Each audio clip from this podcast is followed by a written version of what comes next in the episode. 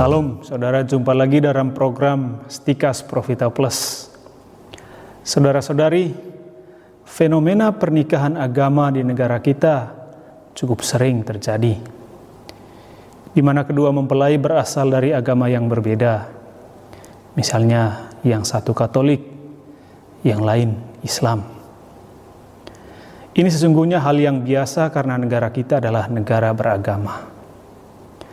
Sebenarnya fenomena yang sama juga terjadi dalam kasus pernikahan beda gereja. Kedua calon mempelai sama-sama dibaptis, mengaku Yesus sebagai Tuhan. Tetapi dari dua gereja yang berbeda, yang satu Katolik, yang lain dari gereja Kristen Protestan, seperti dari GKI, Betani, Pentakosta, dan lain-lain. Nah, fenomena ini disebabkan karena sulitnya mencari pasangan yang memiliki agama atau keyakinan yang sama, atau dalam kasus yang kedua dari gereja yang sama. Adanya pernikahan beda agama dan beda gereja karena kedua calon sama-sama mau membangun keluarga, mau menikah, tetapi tetap mempertahankan agama mereka masing-masing. Yang satu tidak mau mengalah Misalnya yang Islam mau masuk Katolik sebelum nikah atau yang Kristen Protestan mau masuk Katolik. Tentu tidak ada persoalan dan tidak perlu ada pernikahan beda agama dan beda gereja kalau yang satunya menjadi Katolik dan mengalah mau menjadi Katolik. Nah, persoalannya adalah mereka tetap bertahan pada keyakinan masing-masing, dan kita tidak dapat memaksa yang non-Katolik untuk meninggalkan agamanya menjadi Katolik. Kalau dia mau menjadi Katolik sebelum pernikahan, itu tidak ada masalah. Perkawinan itu dapat dilangsungkan secara normal dalam gereja sebagai perkawinan sakramental, karena dia mau menerima Yesus Kristus dan dibaptis sebagai Katolik. Hal yang menjadi masalah adalah ketika dia tetap berpegang teguh pada keyakinannya. Lalu bagaimana menghadapi persoalan ini? Kita mau melihat dulu persoalan tentang pernikahan karena beda agama. Di satu pihak tentu hal ini tidak mudah dilakukan dan tentu banyak anak muda Indonesia atau di tempat-tempat lain menghadapi hal yang serupa. Di satu pihak mereka saling mencintai, tetapi di pihak lain mereka berbeda keyakinan. Mereka mau menikah, mereka mau membangun keluarga. Tetapi ada yang mengganjal istilahnya. Ini bukan persoalan yang mudah bagi kedua belah pihak. Kalau perbedaan karena suku tetapi memiliki keyakinan yang sama, ya bukanlah sebuah persoalan. Misalnya seorang perempuan Indonesia menikah dengan seorang cowok bule misalnya. Keduanya sama-sama Katolik. Di sini sama sekali tidak ada masalah mereka dapat melangsungkan pernikahan sebagaimana biasanya pasangan Katolik mempersiapkan perkawinan. Kalau kita bicara dari segi hukum, beda agama antara dua orang yang saling mencintai atau mau menikah termasuk dalam kategori halangan nikah.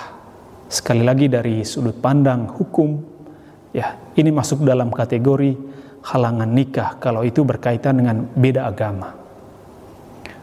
Ya misalnya dalam uh, kanon 1086 paragraf 1. Lalu apa artinya? Orang-orang yang berbeda agama dan hendak menikah secara Katolik dan salah satunya tetap berpegang pada agamanya sebenarnya tidak dapat dilakukan. Sekali lagi, tidak dapat dilakukan. Mengapa? Karena perkawinan Katolik adalah persekutuan antara dua orang yang sudah dibaptis dalam gereja Katolik. Perkawinan Katolik adalah perkawinan sakramental. Dan ini mengandaikan bahwa dua insan yang mau menikah dibaptis Katolik atau minimal salah satunya Katolik dan yang lainnya baptis non-Katolik. Maka gereja menghendaki agar umatnya memilih pasangan yang seiman. mengingat iman berpengaruh sangat kuat terhadap kesatuan lahir batin suami istri, juga pendidikan anak dan kesejahteraan keluarga. Seperti yang dikatakan oleh Paus Yohanes Paulus II, perkawinan Katolik adalah peristiwa iman. Bahkan sejak persiapannya pun harus dilihat sebagai pesiarahan iman. Puncak pesiarahan itu adalah perayaan sakramen perkawinan yang merupakan proklamasi kabar gembira mengenai cinta kasih suami istri di tengah-tengah gereja. Ini dikatakan oleh Santo Yohanes Paulus II dalam ajarannya tentang keluarga familiaris konsorsio 51. Hal ini tentu tidak bisa dilakukan kalau keduanya memiliki keyakinan yang berbeda. Nah inilah keyakinan gereja mengapa pernikahan beda agama menjadi halangan. Nah hal yang sama juga dengan perkawinan beda gereja.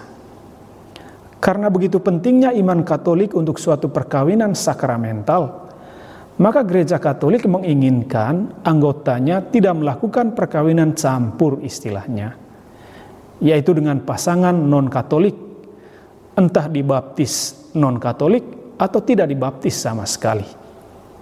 Bagi orang Katolik, iman itu sangat tinggi nilainya yang perlu dilindungi. Lalu bagaimana memecahkan persoalan dua orang yang saling mencintai tetapi beda agama? Apakah gereja tidak memiliki cara lain untuk hubungan yang demikian? Gereja mengakui perkawinan demikian, tetapi bukan pada level sakramen, melainkan sekedar dimensi natural. Jadi sekali lagi, bukan sakramen, perbedaan pernikahan beda agama. Lalu bagaimana dengan perkawinan beda gereja antara orang Katolik dan non-Katolik yang dibaptis di gereja lain? Nah, perkawinan mereka adalah perkawinan sakramen. Itu yang dikatakan oleh Kitab Hukum Kanonik 1055 paragraf 2. Karena mereka sekurang-kurangnya memiliki pengakuan iman yang sama. Seorang ahli hukum gereja Romo Catur dari Keuskupan Malang mengatakan dalam perkawinan beda agama sama sekali tidak ada pengakuan iman yang sama. Mereka hanya disatukan oleh nilai-nilai insani dan kodrati saja.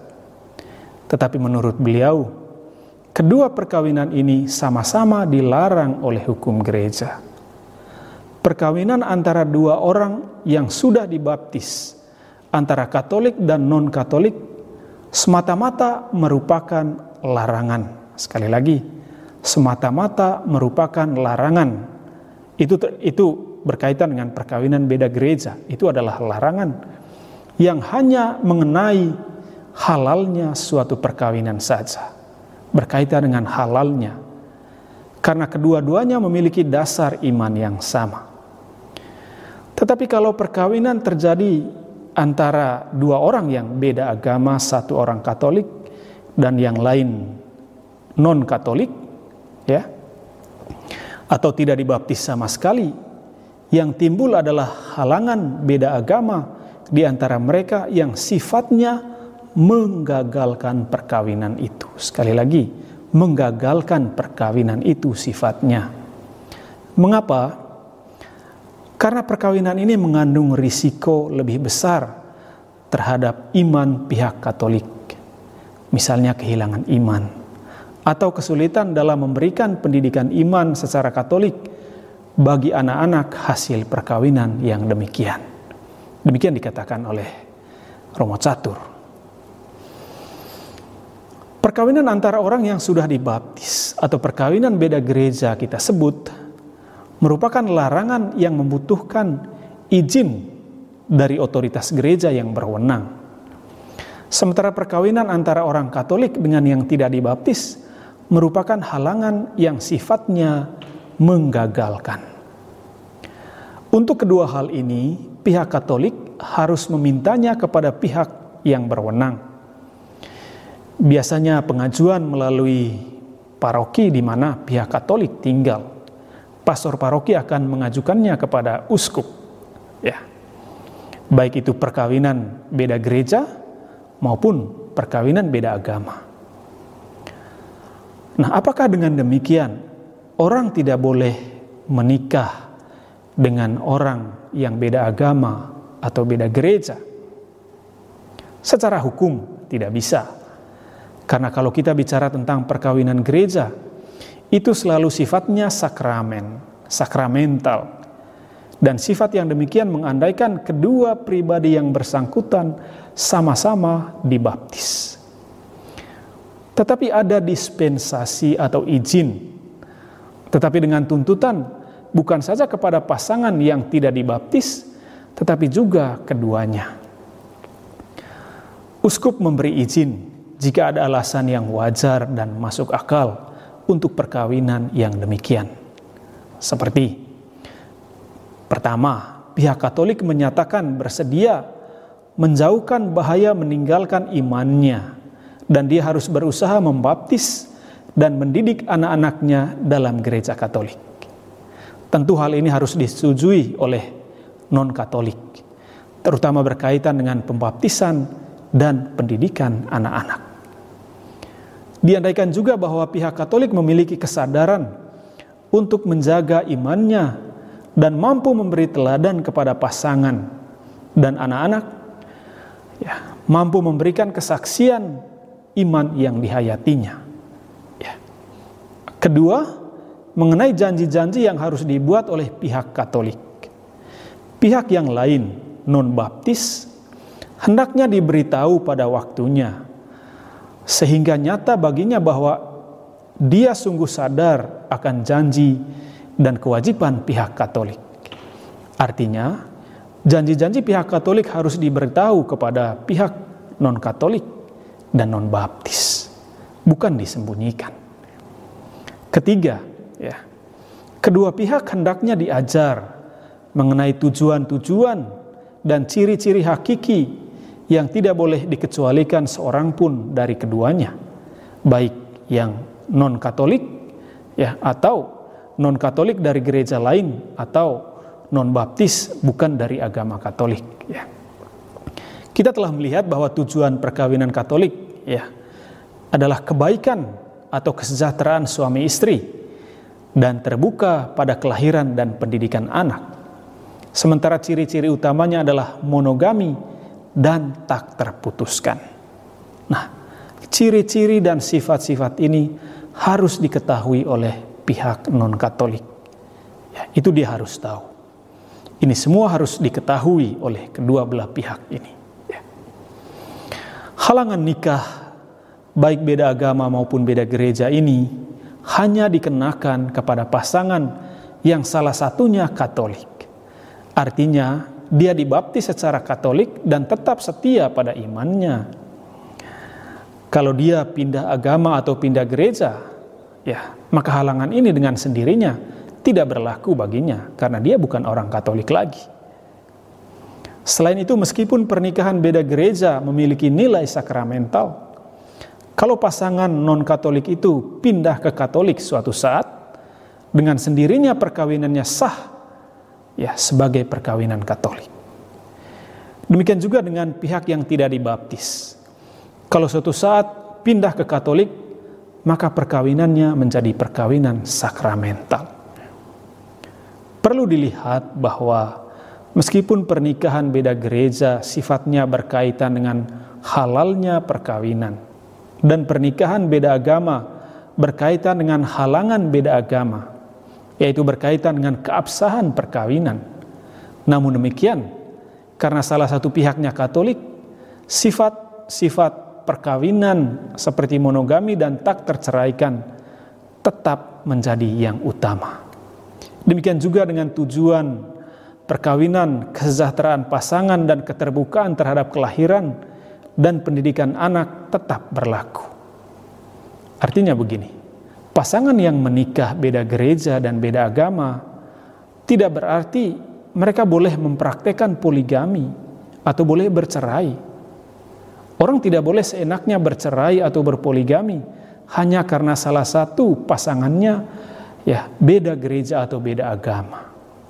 Tuntutan ini berlaku bukan saja pada pasangan yang sama-sama Katolik, tetapi juga bagi pasangan yang salah satunya Katolik. Ya, itu tuntutannya sama. Hal yang sama juga berkaitan dengan tujuan perkawinan, yaitu harus terarah kepada kesejahteraan suami istri dan terbuka pada kelahiran dan pendidikan anak. Para saudara, mungkin apa yang saya katakan ini terlalu sulit untuk diterima terutama di daerah-daerah di mana agama Katolik menjadi agama minoritas. Namun kita melihat sisi positif bahwa apa yang diatur oleh gereja bertujuan untuk kesejahteraan iman umat, untuk membangun iman umat. Ini juga menjadi tantangan bagi orang-orang muda Katolik. Meskipun menjadi kelompok minoritas, diharapkan tetap setia kepada iman Katolik meskipun ada dispensasi dari gereja. Artinya juga pihak Katolik tidak boleh mengalah begitu saja dan mengikuti pasangan yang beda agama atau beda gereja. Perlu diperhatikan bahwa perkawinan sesungguhnya bukan saja soal cinta, tetapi juga soal iman. Karena kita adalah orang-orang beragama, orang-orang beriman. Sering terjadi pihak Katolik beralasan, ya sama saja, yang penting cinta. Ya, itu sering kali saya dengar seperti itu. Lalu ia mengalah dan mengikuti iman pasangannya, entah yang pindah ke gereja Kristen atau pindah ke agama lain. Bagi saya tentu saja tidak sama. Iman Katolik saya tentu berbeda dengan iman orang non-Katolik. Demikian juga iman Katolik saya berbeda dalam cara penghayatannya dengan iman orang yang dibaptis non-Katolik. Meskipun beriman sama kepada Yesus, ada hal-hal tertentu dalam iman Katolik yang tidak dapat disamakan begitu saja dengan pihak non-Katolik. Jangan karena cinta saudara-saudari mempertaruhkan iman. Seperti Esau, cerita menarik dalam Perjanjian Lama Esau mempertaruhkan berkat sulungnya yang berharga dari Allah kepada Yakub adiknya demi semangkok sop kacang merah.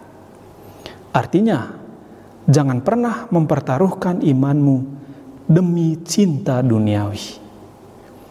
Iman dan Tuhan kita jauh lebih berharga dari cinta manusiawi kita. Ini harus tertanam dalam hati kaum muda kita. Keselamatan dari Yesus yang dihayati dalam gereja Katolik lebih berharga dari cinta kita. Jelas di sini berbeda. Mungkin suatu saat saudara akan menyesal. Seperti Esau menyesal karena telah menjual berkat berharganya demi semangkok kacang merah. Ya. Iman Katolik itu berkat. Keselamatan dari Yesus itu berkat paling berharga, melebihi semua berkat di dunia ini maka jangan pernah menjualnya dengan cara apa pun dan demi apa pun, termasuk demi cinta kepada manusia. Semoga saudara-saudari mencintai dan mengenal kebenaran dan akhirnya memperoleh keselamatan. Tuhan memberkati saudara-saudari. Salam Profita.